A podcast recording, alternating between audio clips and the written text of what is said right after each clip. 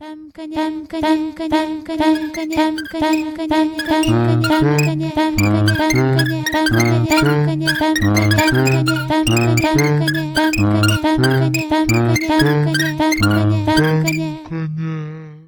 slušate 37. Femkanje. Zdravo. Um, Katarina i ja smo ovog vikenda bile prilično aktivne, tako da ćete u ovom Femkanju čuti uh, E, materijal koje, koje smo sakupili. Ma, Kaže nam Katarina malo više o tome. Um, pa počne od ove subote sa akcijom Srati za decu koju je organizovao Noe FEM zajedno sa Centrom za integraciju mladih. FEMKAN je učestvovalo u njihovom projektu prikupljanja odeće i uh, materijala za decu koja žive i rade na ulici. Uh, Um, to je jedna od akcija u kojoj smo ja i ti prisustovale u subotu, a drugi... Mm, takođe 7. i 8. E, decembra, znači u subotu i nedelju. Mm -hmm, tokom trajanja mm, BFM-a. E, da, odigrao se festival feminističke kulture i akcije BFM i... Um, što se tiče BFM-a, mi smo izdvojile E, audio zapis sa e, pre, jednog predavanja koje će vam najaviti posle. Mm -hmm, koje se I... desilo u subotu, isto tako kada i ova akcija. A u drugom delu emisije e, čućete razgovor sa Gabrielom Ivanov, sa kojom smo vodile po 30-minutni razgovor o onome što, čime se ona bavi. Što se tiče ove akcije koja se desila u subotu s Vrati za decu, tu smo imali prilike da u prostoru magazina Osmice tokom akcije prikupljanja stvari razgovaramo sa Ivom Janković, volonterkom Centra za integraciju mladih, pa predlažem da čujemo sada taj краткий разговор с ним.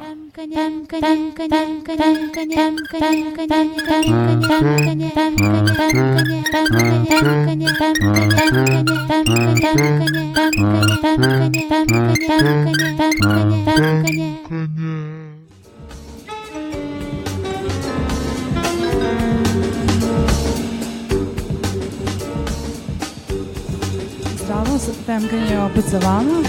Katarina je sada tu, Bojanu smo poslali na Befem, evo nas u prostoru magazina, u toku je akcija Srati za decu, prikupljanje materijala, odeće i ostale stvari za decu koja žive i rade na ulici, a ja sada razgovaram sa Ivom Janković, volonterkom Centra za integraciju mladih. Zdravo Iva. Ćao. Ti si ovde ceo dan, jel? Da, došli smo oko tri, ideja da ostanemo do osam, pa za sad fino ide u suštini, ljudi svraćaju, dosta toga se nakupilo, nadamo se da će ljudi dolaziti do 8 i da će u stvari ostati s nama u kontaktu, pošto dosta ljudi mi se javilo preko Facebooka koji prate našu akciju i zamolili su ako nije problem neki drugi dan prosto da donesu stvari, ali da misle na nas i da razmišljaju o tome. A ti si mi spomenula da, tak, da imate ove akcije svakog dana jel ljudi mogu da donesu stvari kod vas? Pa, e, akcije svakog dana postoje u smislu da ko ima vremena i volje da uvek može da dođe u svratište i da tamo direktno odnese stvari mm -hmm. za mhm. decu. A ovakve akcije se organizuju onda kad imamo prosto i vreme i prostor gde možemo da ih organizujemo. Mhm. Ali u svakom slučaju, e, ne znam, moji prijatelji znaju da mogu uvek da skupljaju, ja sam njima najmanji problem da se dogovorim da se nađemo negde u gradu i da uvek preuzmem stvari. A jel bi izvojila neš, ne, nešto određeno što toj deci najviše nedostaje? Pa sada, tokom zimskog perioda, najviše su nam potrebne čizmice, prosto obuće, ona sa kojom kuburimo, jer ta obuća koju oni imaju ili je jako tanka ili je bušna, u smislu da su njima no, noge konstantno mokre i da neka deca i ne mogu da idu u školu jer upravo mislim zbog uslova takvi kakvi su i naravno jakne kao pod neko moranje, da, da, jeste. Tople um, stvari. Da li bi da mi kažeš, mislim, spomenula si da ti kao volonter ne možeš da govoriš u potpunosti o, o centru, ali sam htela da te pitam kakva je inače misija Centra za integraciju mladih. Vi pored ovog prikupljanja stvari i a, redovne saradnje sa svratištem organizujete i edukaciju, jel? E, da, ja prosto e, volonterka sam već dva mesta u Centru za integraciju mladih i mislim ne, ne, ne osjećam se pozvanom u smislu da ja govorim o tome.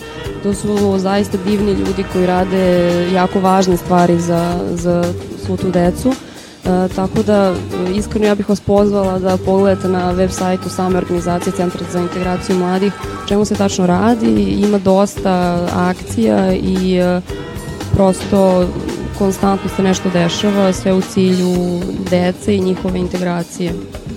A ovaj, uh, e, vola bi da mi objasniš samo malo uh, e, što znači život i rad dece na ulici? U suštini deca sa kojom mi radimo, uh, ona uh, žive, da kažemo, u romskim, na, beogradskim romskim naseljima i uh, ta deca koja dolaze u sratište jesu deca koja, da kažem, žive na ulici u smislu da E, dom im je takav kakav je, nažalost e, ne u sjajnim uslovima, a rade na ulici, mislim svi, svi mi prosto svaki dan mhm. smo u kontaktu prosto. sa, sa decom, da, koja A ovaj, da li u vašem centru ima pored Roma i ostale dece? Mislim, da se dešava da radite sa Pa opet ne osjećam se posebno da pričam o tom, izvini, jer sam tu tek dva mhm. meseca. Ja sam u kontaktu za sada bila samo sa romskom decom. Uh, tako da prosto na meni je odgovornost da ne, ne da ne želim da dam te informacije, nego prosto i dalje sam mlada u tom timu i a, to su zaista posebni ljudi koji a, rade fenomenalne stvari skoro smo, u stvari 5. decembar jeste dan, Međunarodni dan volontera koji se obeležava svuda u svetu i e, ne znam da li, da, da li sam zapamtila tačnu informaciju, ali su po, izračunali da u stvari Centar za integraciju mladih u toku 2013. E, godine je odradio 20.963 sata, čini mi se ako se ne varam, možete to da proveriš na sajtu samom, tako da je to zaista impozantna informacija i važna stvar, prosto uloženo vreme, rad i trud. A, vola bi da mi kažeš nešto malo o sebi, kako si se odlučila uopšte da volontiraš i da volontiraš ovako dok ja nađem ovo na sajtu? Važi, e, pa u stvari od uvek sam od uvek su me, naravno, kako sam završila etologiju, antropologiju na filozofskom, e, od uvek su me interesule te marginalne grupe, Ove, e, a naročito deca u smislu da e, konstantno pardon, konstantno na ulicama srećemo decu koje da kažem potrebna pomoć i e, koja nažalost nemaju sve uslove koji su im potrebni za da za neko e, da kažem jednostavnije detinjstvo da da se ne izrazim ne, grubo Ove, tako da čisto iste neke humane potrebe u smislu pomoći nekome, pomoći deci, jer deci je uvek potrebna pomoć, prosto ne, ne mora da govorimo ni o marginalizovanoj deci, prosto marginalizovanim grupama, nego prosto deca kao, kao takva, kao male, mali ljudi, mala bića kojima je potrebna sva naša pažnja i podrška. Evo, upravo sam pronašla ovo. informaciju, naši volonteri su ove godine poklonili zajednici 20.967 sati. Tako je, da da je stvarno sjajna, sjajna stvar. Ja sam se jako iznenadila kada sam pročitala tu cifru i uh, mislim moram da kažem da iako sam tamo tek dva meseca, moj život se na neki način zaista promenio jer prosto uh, sve to vreme koje vi uložite e, nije jednostavno, svi mi ulažemo svoje vreme i trud u smislu nekad psihički naporno i postoje neke stvari koje vi želite da rešite, a ne možete, vezane su vam ruke, ali ono što vi dobijete od dece u smislu tu, tu prosto taj njihov osmeh i to da oni vide da se vi trudite i da vam je stalo, mislim da zaista nema, ne da nema lepše stvari, ali to je jedna le, jako mm -hmm. lepa stvar.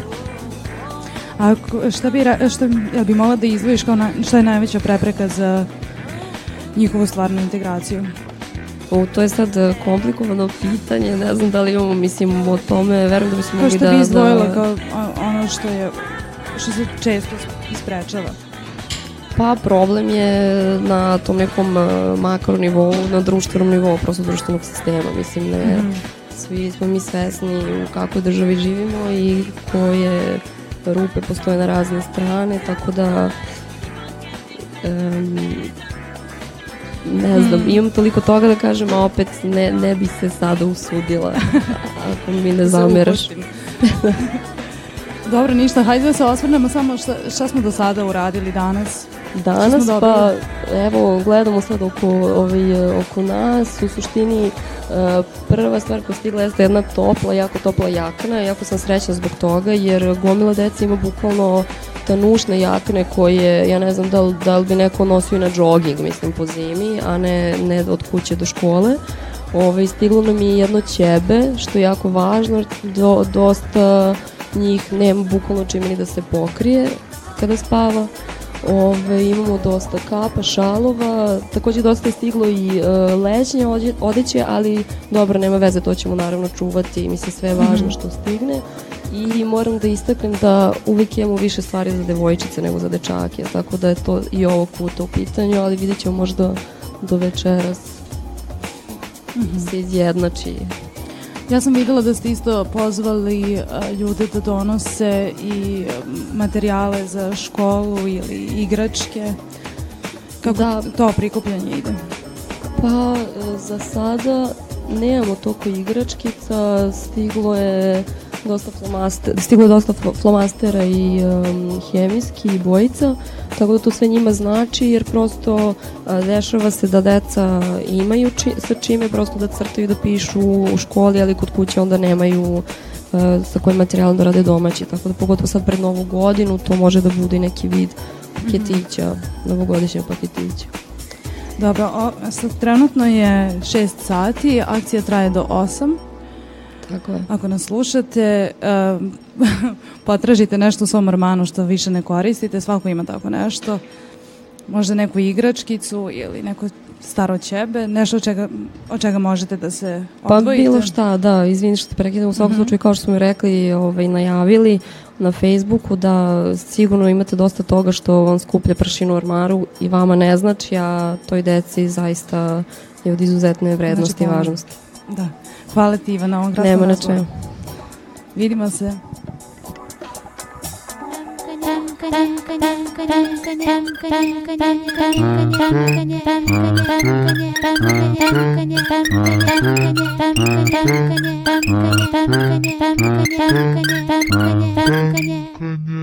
Uh, ovo je bio, ovo je bio grad kratki razgovor sa Ivom. E, ona, ona vam je predstavila kako, kako Centar za integraciju mladih inače radi. Ako niste uspeli da u subotu donesete nešto starih stvari koje vam više ne trebaju ili nešto od materijala za školu ili po neko ćebe ili jastuk koje vam više ne trebaju, vi još uvek to možete uraditi uh, tako što ćete kontaktirati centar direktno ili otići do, do centra. Što se tiče te akcije, ona je završena poprilično uspešno, dosta je stvari prikupljeno, ona je tu i navela mislim, rekla je da se obradovala što, što su dobili i Ćebadi, ali situacija ove dece je zaista kritična. Tako da vas evo još jedan put pozivam da e, donirate nešto svojih starih stvari. Ono što ćete um, sada čuti E, je audio e, sa predavanja e, koje se odigralo u subotu od 13.30. Pričamo o klitoralnom seksu. Predavanje je vodila Sandra Dahlan, koja je nezavisna edukatorka i spisateljica, poznata po knjizi Hetero. To je prva knjiga o heteronormativnosti i namenjena neakademskoj publici u Švedskoj e, i takođe bavi se feminističkom kritikom normativnog ponašanja i e, pitanjem seksualnog obrazovanja mladih. Ovo što ćete sada čuti je zapravo, zapravo su delovi koje smo izdvojili s obzirom da je e, da. predavanje trajalo skoro dva sata. So, this is about clitoral sex. Uh, the question is, is there even such a word? I mean, actually, we made up this word in Sweden some couple of years ago when we made this booklet. Uh, me and a feminist friend working at RFSU and some other women and some other families have been discussing it for a while. What kind of words do we have for sex? What kind of words do we have? First of all, the word sex. What does it mean? What does it mean? If someone says, I had sex yesterday, what does it mean? What has that person been doing? Does anyone would anyone like to tell me? If, if a person says, I had sex yesterday, what has that person been doing? Usually, usually in the society, what does it mean? Does anyone have you talk about it? have you lost your virginity. what that is. What that is oh, I'm not a virgin anymore. I can't feel any difference. but it's something has happened. Okay. Um, sex. Usually in, in the larger society, sex is penis in the vagina. You recognize it. That is sex. You know? You can have an orgasm with another person, like 10 orgasms with another person. If you haven't had any penis in a vagina, it's not sex. Do you recognize this definition? Yeah? Yeah? It's quite interesting. It's quite interesting. Who has decided what is sex? Who has decided what is real sex? Why is that the definition? Why can we not just choose? I have sex this way, and this is sex to me, and I don't like the sex shit, so I don't do it. You know what I mean? But it's like someone has decided this is sex, this is how you should do it, to be normal. And there are so many people who don't do this, you know? And then there are no words for it. Usually there are words like oral sex with your mouth. But that's not, is that real sex? Some people would say, no, you're still a virgin. You know what I mean? It's not real sex. And then you have this, I don't know if radio should, I don't know. And then you have anal sex. Anal sex, okay? That's also a word, anal sex. It's like, okay. But then, all other things people can do, and that actually many women enjoy, we don't even have words for it. And then, of course, many of us say it's sex. I had sex yesterday, and we decide what it is. Do you know what I mean? But it's quite interesting because I think words are quite important for us to understand who we are, uh, to know if we are okay or not. Words are quite important. If you don't have words for things, it's like this is not possible or this is not okay, or this is abnormal. So words are quite important. So we invented the word clitoral sex. We said a person can say, I'm into clitoral sex. That's what I like. You know, in the kind of heterosexual patriarchy, clitoral sex is foreplay. Do you recognize that? Foreplay before you do real sex. But we say, no, clitoral sex can also be sex for the ones who enjoy it. Do you get me?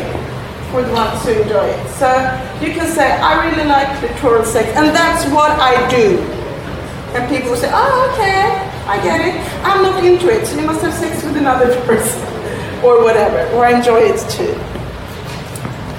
Uh, so we invented the word because words are very, very important.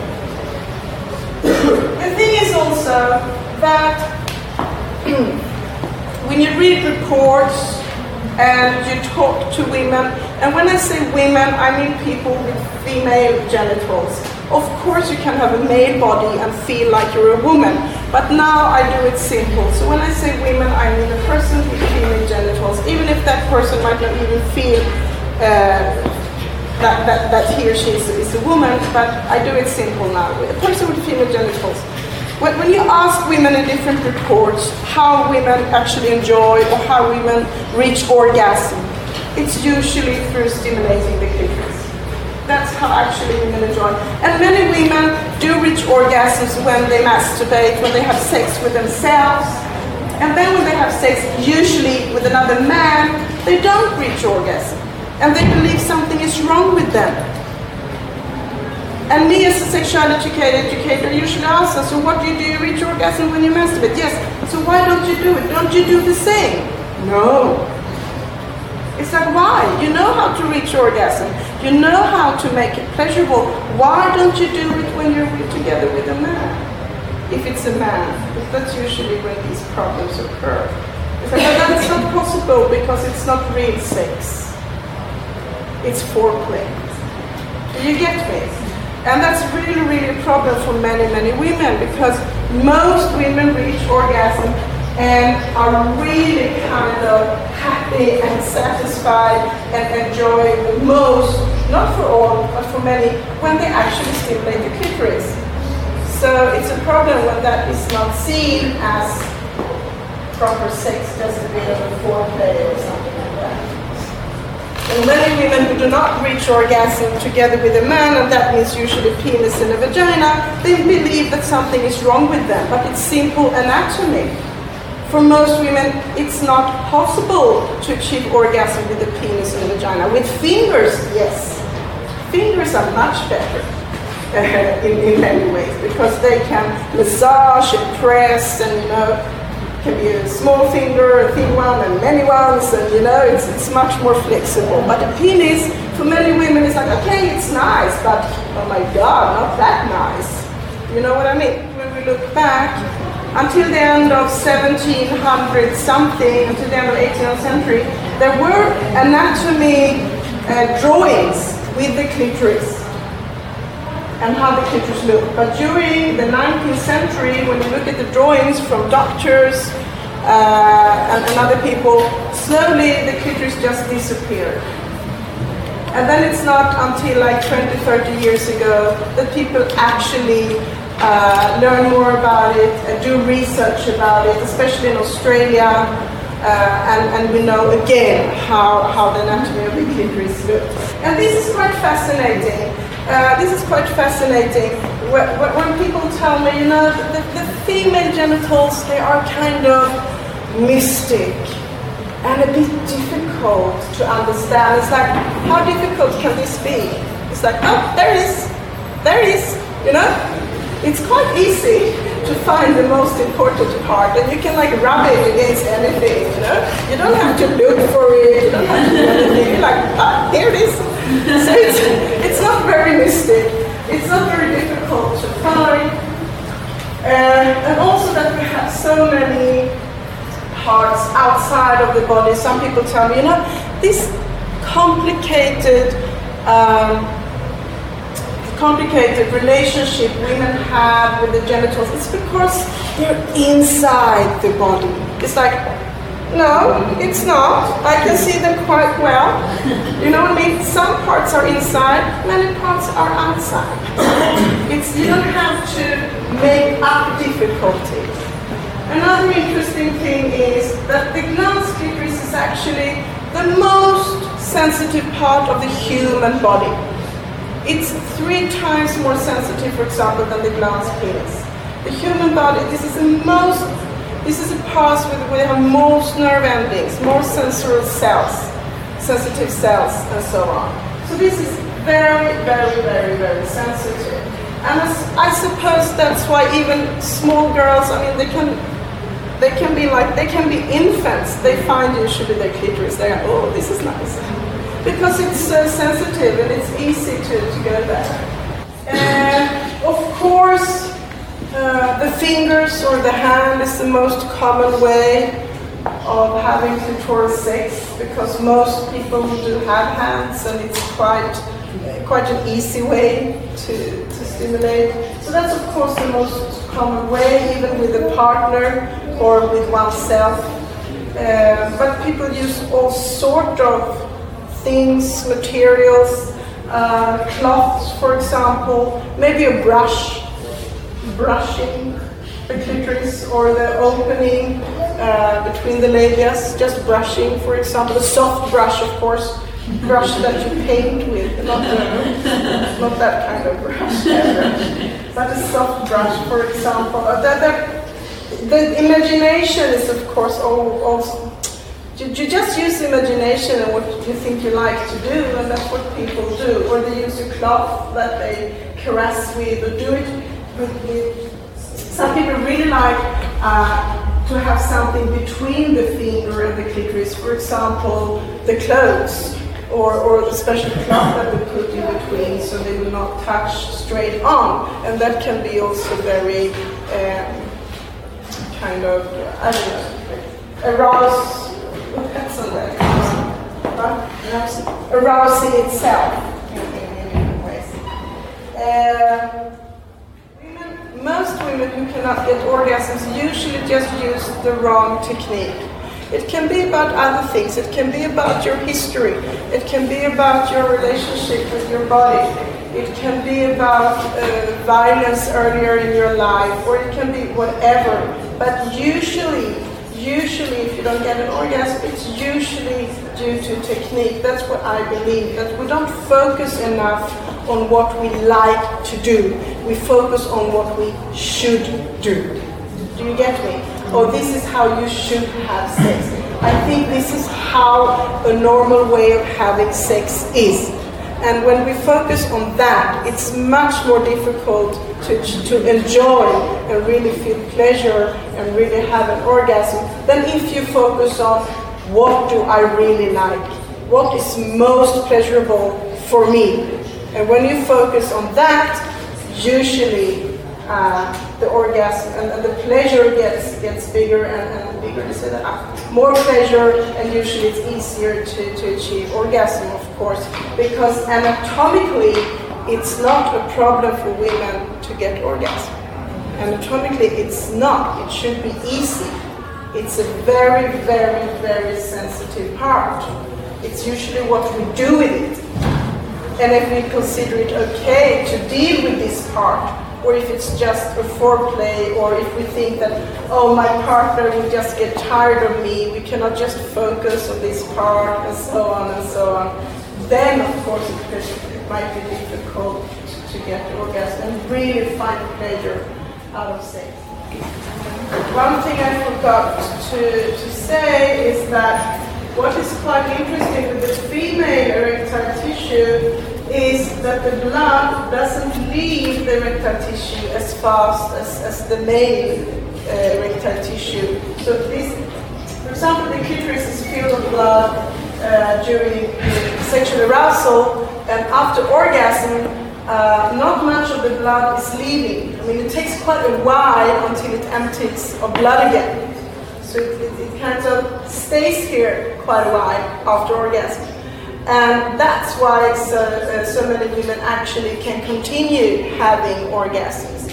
Uh, so, for example, many women just they have an orgasm and then they just gently put a finger here for some seconds. Usually it's too sensitive to stimulate straight away, but many women do like they put a finger like that for some seconds and then they can enjoy and stimulate and have another orgasm very close to the first one, and after after the orgasm, they just you know rest for a few seconds. They put a finger, they feel how uh, the erosion is, is growing again, continue stimulating, and have another orgasm and so on. Which is it's difficult for the main body because it works in another way, but for, for many females. It's actually possible, and I'm not saying you have to do this, but this is what many women enjoy. It's like they can go on and on as long as they, as they feel, uh, feel, feel like it. And that's also important to understand to understand your body because sometimes people get so angry with their bodies like I've decided to have sex now. Hmm. Come on, you know? But it's a way I don't know, you, you can't force the body to react. Sometimes we decide here, I really want this, I really want this, and the body says, No, and the body is like the body can remember things also. Ah, I recognize this. It was horrible last time. Something, someone did something horrible to me, or it was just bad. And the vagina can like, no. It's really like no, and it gets really dry, and it's like like that. And you say, oh, I really want this, and the body, no, you're fooling yourself. So it's really, really important actually to, to listen to what's going on. And sometimes you have to say to a partner, I'm sorry, I really want, but my vagina says no. My clitoris says no. I don't, she, she doesn't like the touching. It's not okay, really. Today. I don't know why I ask her, you know, or whatever, because it's we're not always connected. We're not always connected. And the opposite situation can also happen, of course. Like, why am I reacting? I don't want to react this way now. I just saw this pornographic picture and it is horrible, and I'm a feminist. Mislim e,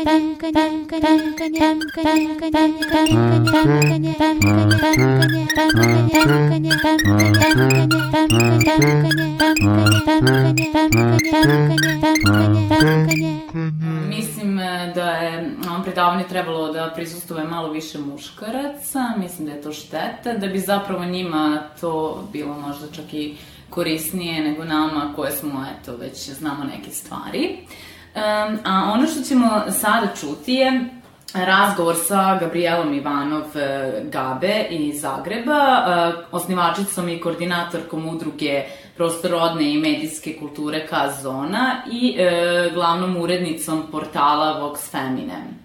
Eh, Gabrielu smo uspele da snimimo u vrlo kratkom vremenskom periodu. Žao nam je što taj razgovor sa njom nije mogao da potraje duže. Jer ona je morala da, da požuri na predavanje u kojem je učestvovala Think Outside the Cox. Uh, eh, tako da, uh, ideja jeste bila da, da nam Gabe bude regularna, regularna gošća. gošća i da sa njom pričamo sat vremena, međutim, nažalost, nismo, nismo uspeli pa tako da slušate nekih pola sata da, razgovora. Da, pretpostavljamo da će se razgovor sa njom desiti još koji put ili da će se saradnja sa Fox Family desiti.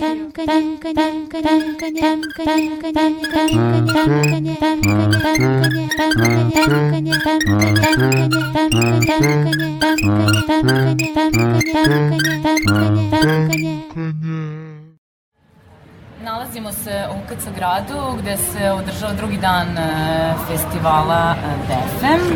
Mi smo malo poranili i došle da razgovaramo sa Gabe Ivanov. E, pred predavanje koje se zove Think Outside the Cox koje počinje u 1 i um, Svjetlana Knežević će pored Gabe Ivanov govoriti zajedno sa Vedranom Sunko, Hanu Gr Hanom Grgić, Lejlom Šeper, Aneli Karnaled, Brita Lindval i Tatjana Nikolić.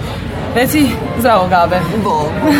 Odlučili smo se da te najmo kao glavnu uh, urednicu i inicijatorku Vox Femine platforme koja nas zapravo uh, najviše interesuje od svih projekata koje je radio zapravo prostor rodne i medijske kulture uh, Kazona. Dobrodošla Gabe. Dobro, hvala vam. Pošto me igrate što ste me zvali. E, u novembru od 14. 19, do 19. novembra odigrao se Vox Femina Festival, pa me interesuje koji su neki tvoji utisci koga bi izdvojila od autora i koje su predstavljene i Da, to, da, to je sedmi Vox Femine festival, znači mi smo tu već sedam godina, polako smo iz nekih e, marginaliziranih studentskih e, ovaj, pr prostora godinu po godinu kretali prema centru grada, tako da smo u Kino Evropa i u Neko koja zna, koja je malo hodala po Zagrebu, zna da je to u principu Cvjetni trg i sve oko Cvjetnog trga, Galerija Nova, Kulturno-informativni centar, KIC, e, knjižnica Bogdana Gridovića, u svim tim prostorima koji su baš u centru grada su bili, zato što smatramo da je užasno bitno da to o čemu mi pričamo tijekom cijele godine kroz ovog net portal, a onda imamo taj highlight jel, na festivalu da bude što prijepišljivije ljudima i što vidljivije. E, ono što bi ove godine svakako izdvojila je bio jako dobar filmski program gdje smo imali pet filmova recentne produkcije e, i imali smo onda još i jednu e, američku i francusku kao kinotečnu retrospektivu filmova koji su se bavili e, feminističkim temama um, i on, razvojem feminističkog pokreta u, u Francuskoj i Americi. Kažem, to su bile te neke retrospektivne, ovih pet recentnih, oni su se bavili interseksualnošću, um, um, jedan švedski koji je bio jako dobar dokumentarni redakcija Mije Engberg, um, i, i još tako par sad, sad, sad, sad se ne sjećam točno svakom na pamet, ali bilo je, bilo je to dosta dobro. Bilo, imali smo u principu najveća stvar je bio, bila premijera filma Jasmina Žbanić za one koji ne mogu da govore. Uh, to, je, to, to, to, smo odlučili ove godine napraviti kao highlight filmskog programa jer to je bila hrvatska premijera tog filma i ono moram priznati da je bio jako zadovoljni napravili smo Kino Europu, znači 505 sjedala sve je bilo krcato, tako da onako, mislim da je ovaj festival bio najjači, najbolji do sada. Mislim, tome i težimo, da budemo svake godine sve bolje bolje, tako da mislim da smo tu misiju napravili. Ja bih se samo osvrnula na početke. Čula smo u jednom od predsednih intervjua da si rekla da si, da si zajedno sa još par prijateljica sa ženskih studija zapravo nastavila da, da sarađuješ i da istražuješ i da si desio counterview.net koji kasnije u 2010. to i prerastao u Vox Femina. Kako se je desio taj prelaz i šta je Vox Femina danas?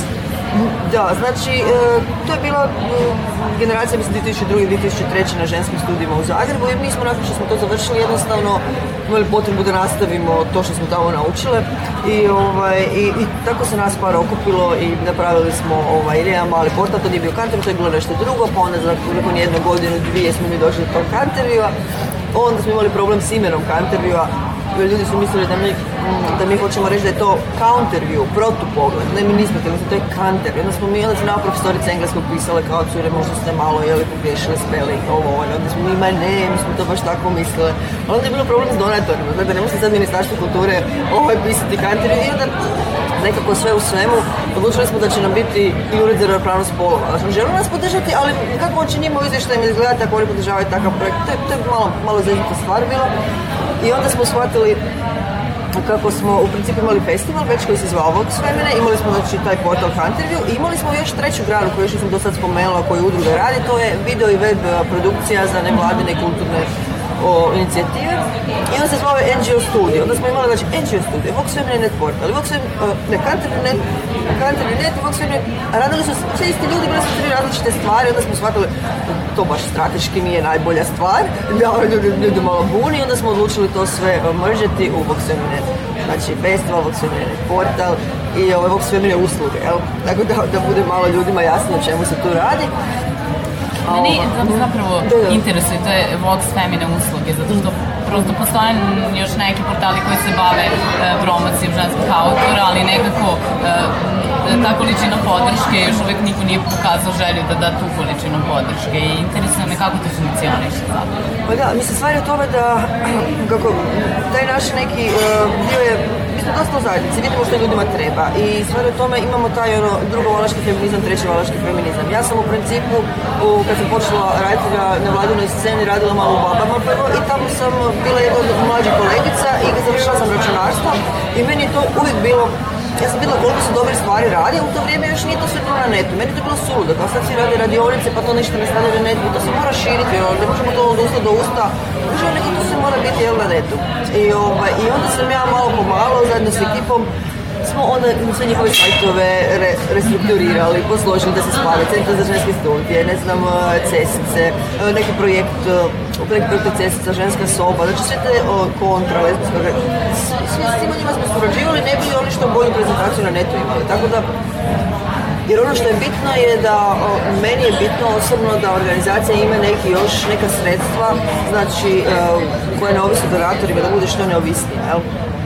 gledati kroz te usluge e, kako to nekako odlučuju pokriti? E, na sajtu uh-huh. voxfemine.net jel tako? Mhm. E, može se vidjeti da tu postoje različite kategorije pa uh-huh. imamo vjest, vještica ili vjestica to je kao vijest, vjestica postoje kao vjestice, vještice jel imamo ono vještice? Uh, uh, e, onda imate um, E, kategorije umjetnica, mhm. e, gdje postoje različite opet kategorije, deli se na nekih sedam kategorija, pa treba, pa strašna žena. Da, to ti u principu treba. Znači, pa treba, da, zato što za... osmislili su i vještica i treba. To je bila fora, onda smo imali taj jedan rukav stikere vještice i umjetnice trebaju strašne žene, kao, ono ljudi šta, kao, kao, ne, ne, ne, super, ono, samo sam rekao, pa onda, ali, ne, ja da kažem dobro, ajde treba nešto jednostavnije, ali meni je to bilo tako fora.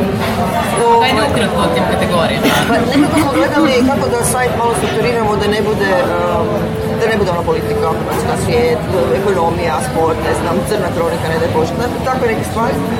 Ovaj, tako da onda je jednostavno ovo u tom nekom periodu kad smo, kad smo 2010. kad smo lansirali uh, novu strukturu, učinilo se nekako simpatično i najzgodnije. Međutim sad kako ono, sad već postoji sad u ovom obliku već skoro tri godine, sad radimo novu novu strukturu, novi, novi redizajn, jer ono, kao što znate na netu, mislim, ako nešto stoji tri godine isto, to je već staro, zastara tehnologija toliko napreduje da, da sad u principu ćemo se, zadržat ćemo ove kategorije, ali ćemo se ipak malo približiti više toj portalskoj, novinarskoj, uobičajenoj formi, čisto zbog toga što um, ljudi nam javljaju da se malo teško snalaze.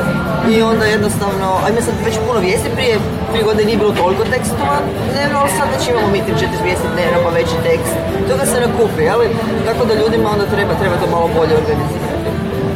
A, e, meni interesuje, mislim ovako iz priče, meni zvuči kao da je Vox Femine krenuo tako iz neke a, e, malo manje inicijative, kao da vas je para sve ove godine.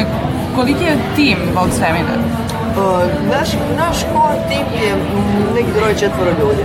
Znači nas nema puno, to je nama uvijek ono kaže kao čekajte, koliko vas ima, ono, kao na van izgleda da smo više, nema nas, imamo dosta suradnika, imamo dosta suradnika, dosta suradnice, mislim, da imamo redakcijski tim od 10-15 ljudi, imamo još od njih, još vanjske suradnike, tako da, ali oni nisu, mislim, nas u uredu je troje, mhm. ponekad četvoro, znači, nema nas, nema nas ono jako puno, ali kažem, do, dosta dobro smo onda povezani i preko ovih usluga što smo radili, i preko nekih projekata zajedničkih, uh, jako dugo smo u principu ekipa koja je ono, na toj nevladine scene, tako da nekako ako nam nešto treba, znamo brzo riješiti, kao prošle godine kada bi je falilo nešto sredstava za 6. svemirni festivali, jako brzo smo uspjeli solidirati se s drugim grupama, i on oni su solidirali s nama, pa smo, pa smo riješili, zakrpali neke grupe u budžetu. Jel?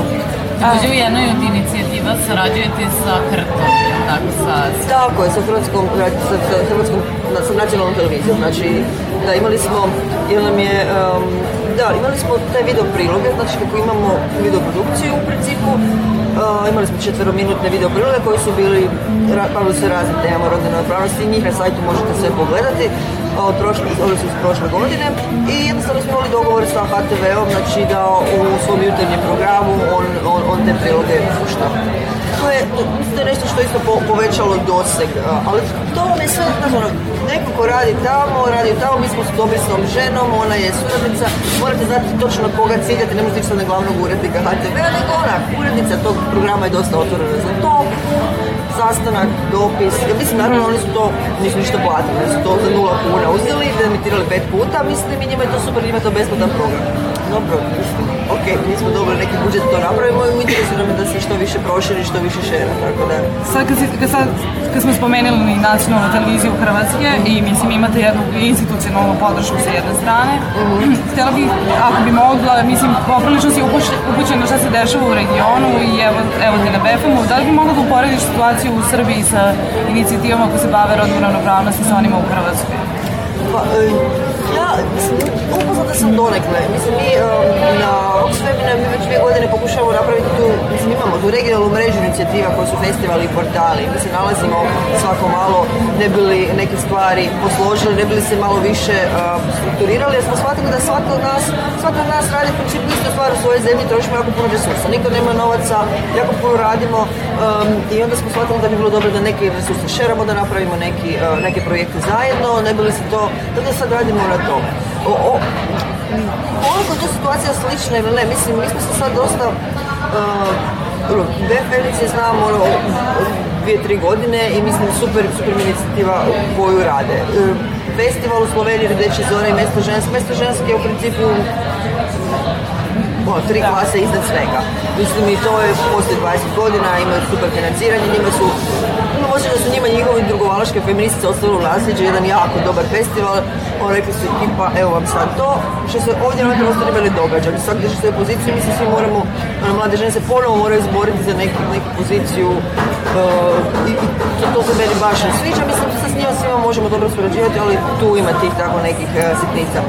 Um, mislim, ovome čemu ćemo sad razgovarati i, i na ovom panelu u, u, u jedan i pol, pa onda um, koliko je to slično, koliko je različito, ja te vidim da mi imamo potpuno su iste ideje, da je čak i, ovaj, i pravni sustav da je ono limitiran u sličnim stvarima, Uh, čini mi se da je u Hrvatskoj malo bolja situacija nego u Srbiji i Bosni, Bosni pogotovo, mislim da je u Bosni onako jedna baš baš jako loša tako da, ovaj, ne znam, to jednostavno onako pokušavamo biti tu i nekako se skupa malo poboljšati. Moram da kažem da na stvaranje ovog Svemine festivala stvaranje je učinjeno na drugačiji način, znači nisu proglašene pobednice pobednici, e, nego su pozvani ljudi da izađu na referendum i da će se tada pokazati ko su prave pobednice pobednici, pa me interesuje E, kako, šta se sada dešava, šta sada dalje. E, Pride Hrvatskoj e, se odigrao od 2001.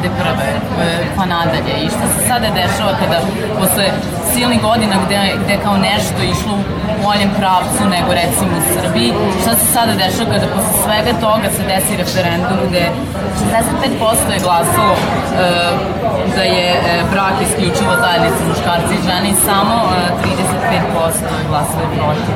Da, oni su glasali, oni su glasali da to uđe u ustav, znači to će sad nama ući u ustav Republike Republike Hrvatske da je da je brak zajednica isključivo životna da doživotna da zajednica muškarca i žene. Mislim, to je, to je nešto što mi svi doživjeli kao veliku pljusku.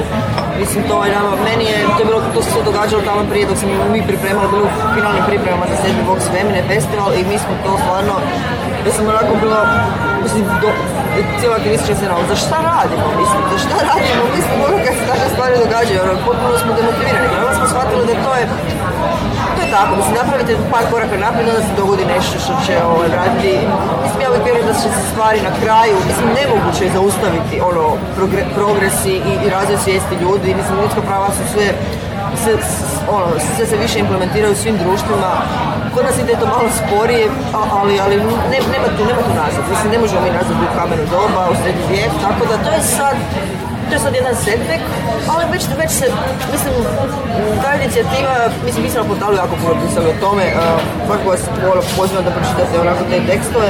Um, jednostavno, mislim, ne znam koliko ljudi znaju da je u Hrvatskoj u pripremi već više vremena taj zakon o registriranom partnerstvu. Mislim, mi Željko Marković koja je predvodila cijelu ovu referendumsku hajku, ja to fakat nazvala hajkom, ovaj, na, na, na, na razne manjine, uh, ona je prvo smatrala, ona prije 2000 u, u maju je rekla da počela sam ne znam zove brak. Sad kad je dobila referendum, sad kaže, o, pa, ne, ne, ne, nemamo više nikakvih registriranih partnerstva, ni ništa, sve ćemo mi to sad ovaj, posložiti. I sad se u principu traži da to registrira, da, da registrira partnerstvo, da, da svi mogu, da mogu heteroseksualni parovi isto ovaj, ući u tu zajednicu, a, jer su se, bio je sad slučaj gdje su ljudi, gdje je jedan bračni par nakon referenduma traži razvod braka.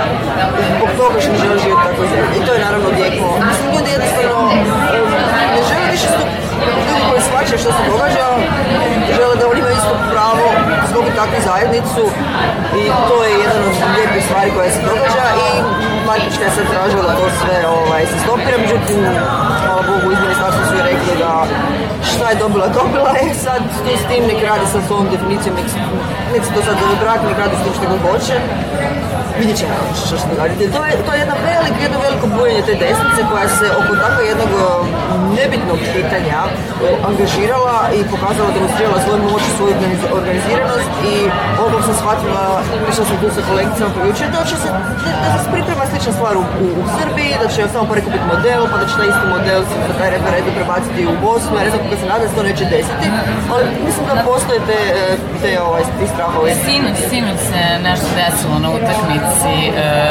e, Crvene zvezde Vojvodine.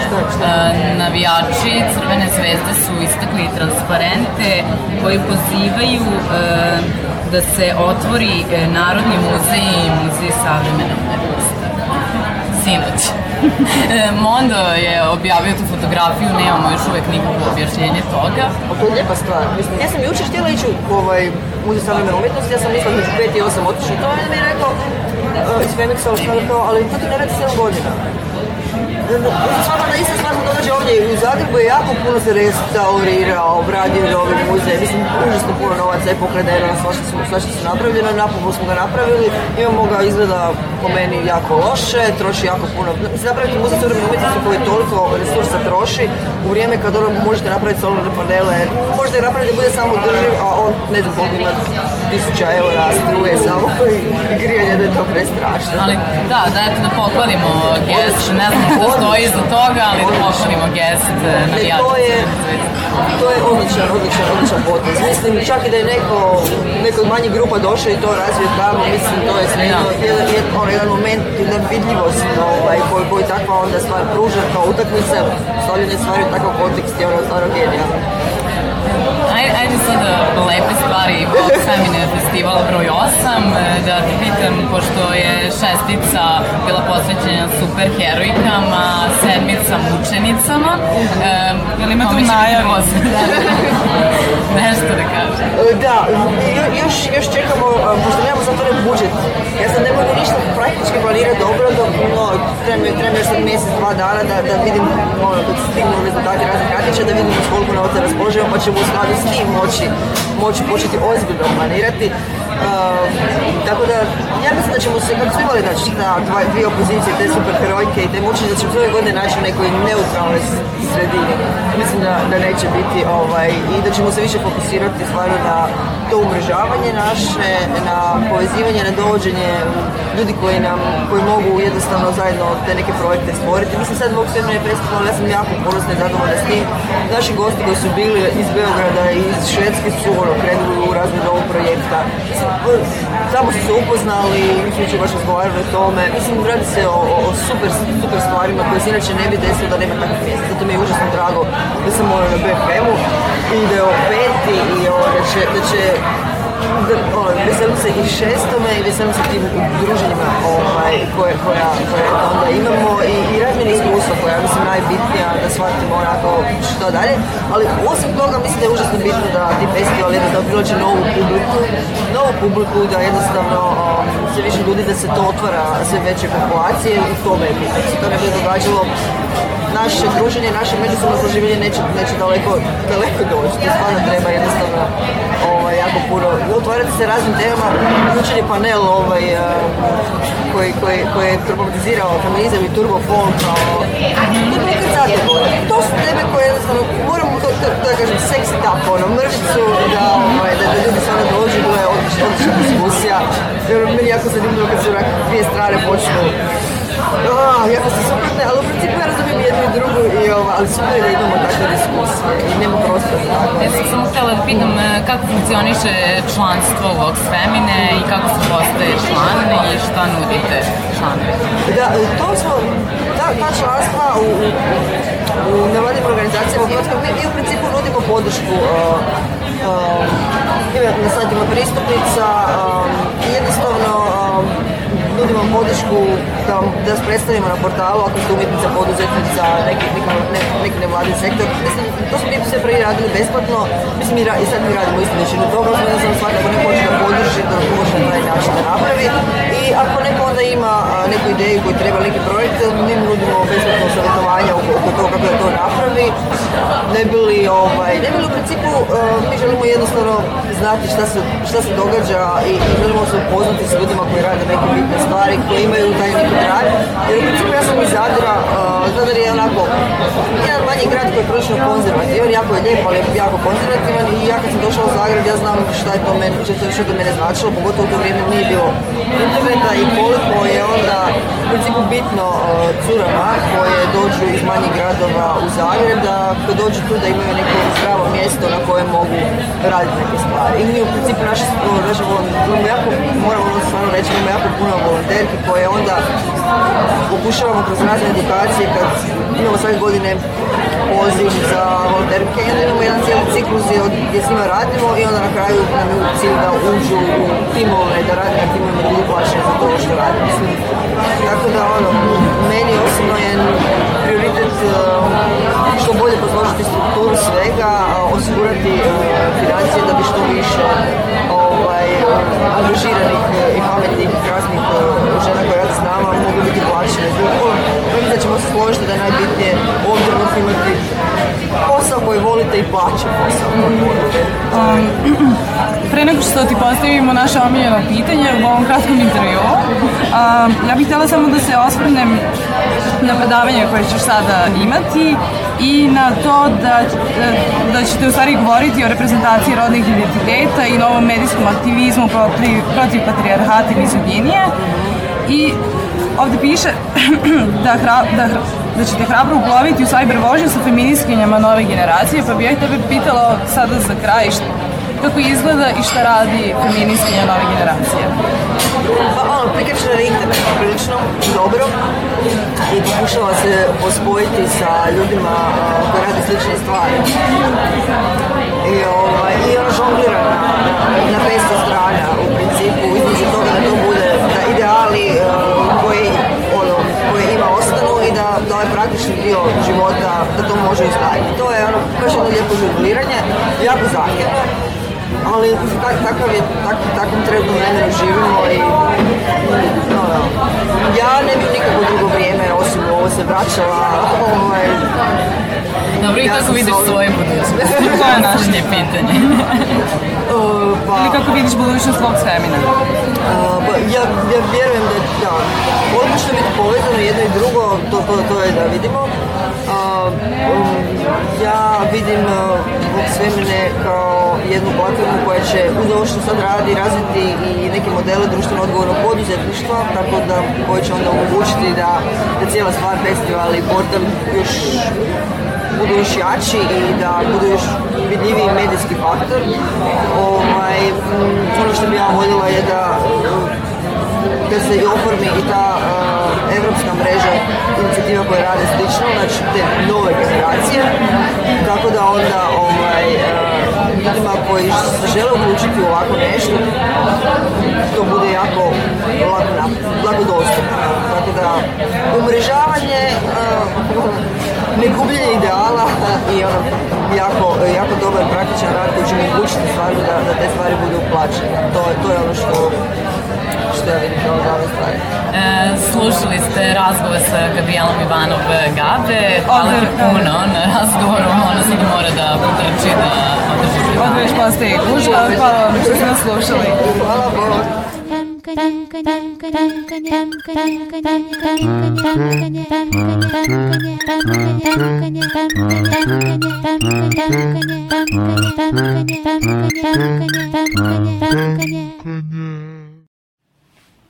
I za sam kraj e, ovog 37. femkanja imamo još jednu najavu.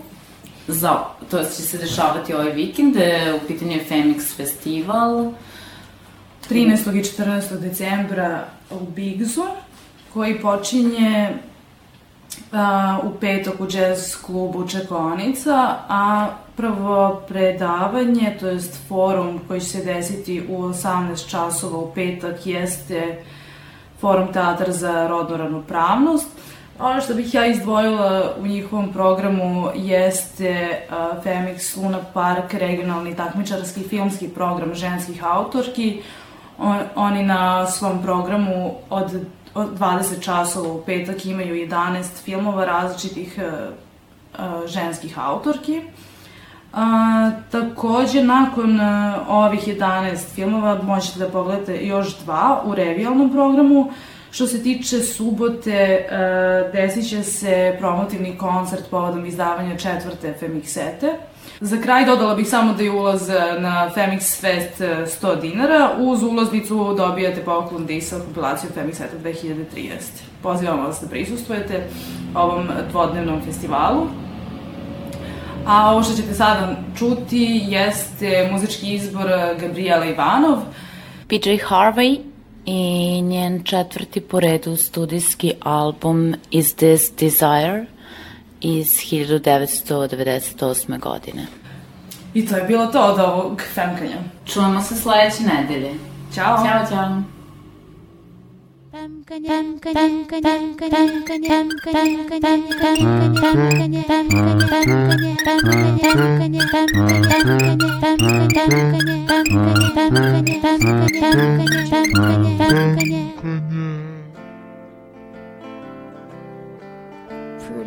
mess you ever seen. Love for money is my sin.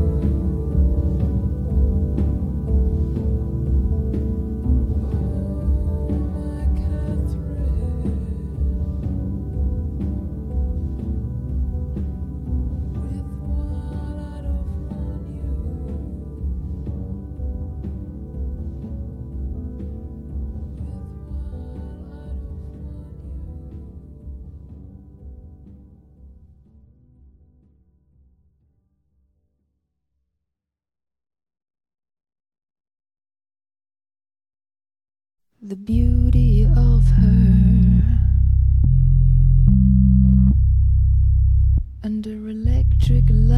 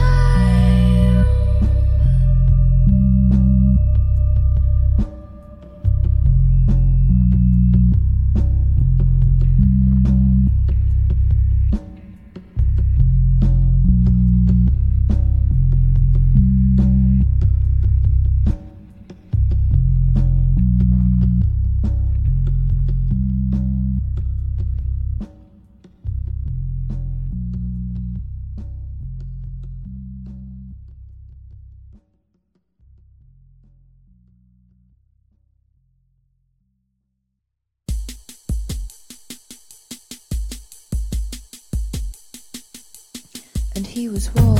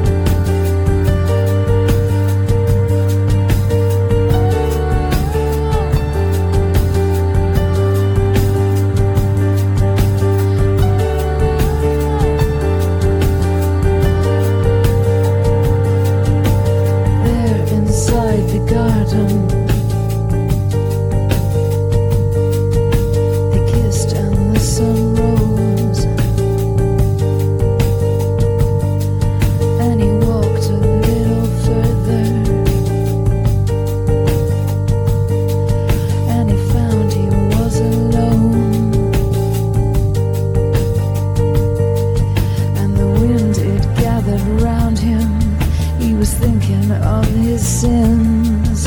And he's looking for his songbird, he was looking for his wings.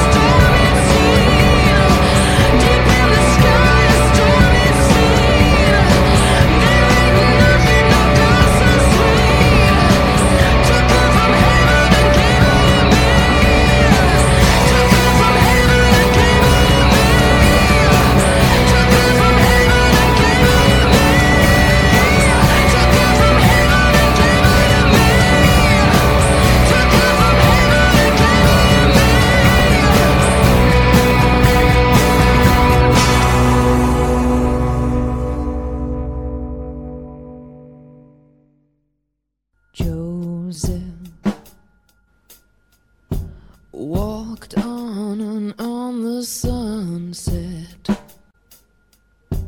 Cooled their desire and dawn said, Let's build a fire.